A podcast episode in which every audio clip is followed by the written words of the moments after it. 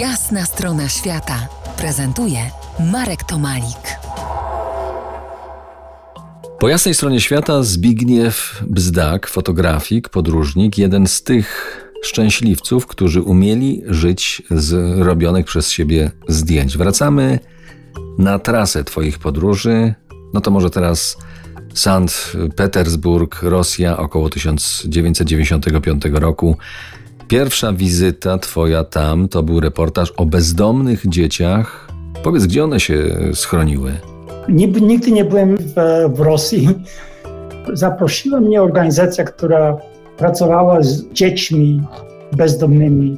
I tak mi to przedstawili, że te dzieci, ponoć to było jakieś 15 do 30 tysięcy młodych mieszkających w kanałach w St. Petersburg.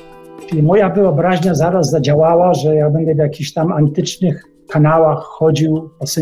Petersburg, szukał i fotografował e, bezdomne dzieci. Okazało się oczywiście później, że te kanały to faktycznie są, ale na nowych osiedlach to były kanały, w których były rury ogrzewające to osiedle, czyli z wodą.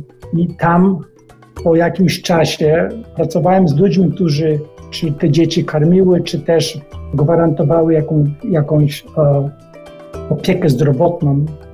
I ponieważ większość tych dzieci była, też miała adykcję do, do kleju wtedy. Bo to być może słuchacze tutaj nie, nie złapali adykcji do kleju, czyli y, że oni się mm, narkotyzowali, tak? Wąchaniem kleju.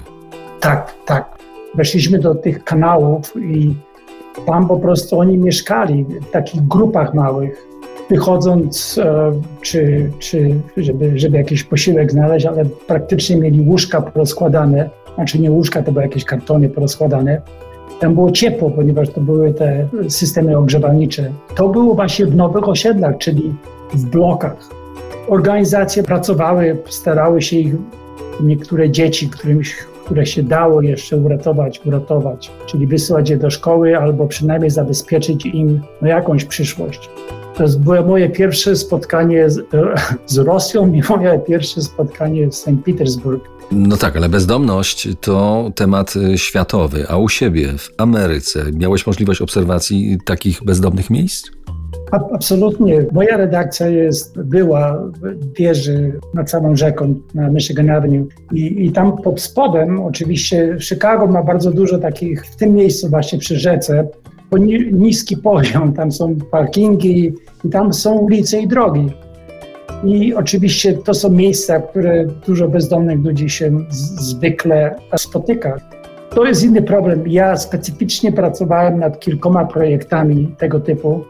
Szukałem i fotografowałem i rozmawiałem z ludźmi, którzy byli bezdomni i którzy starali się w jakiś sposób to zmienić.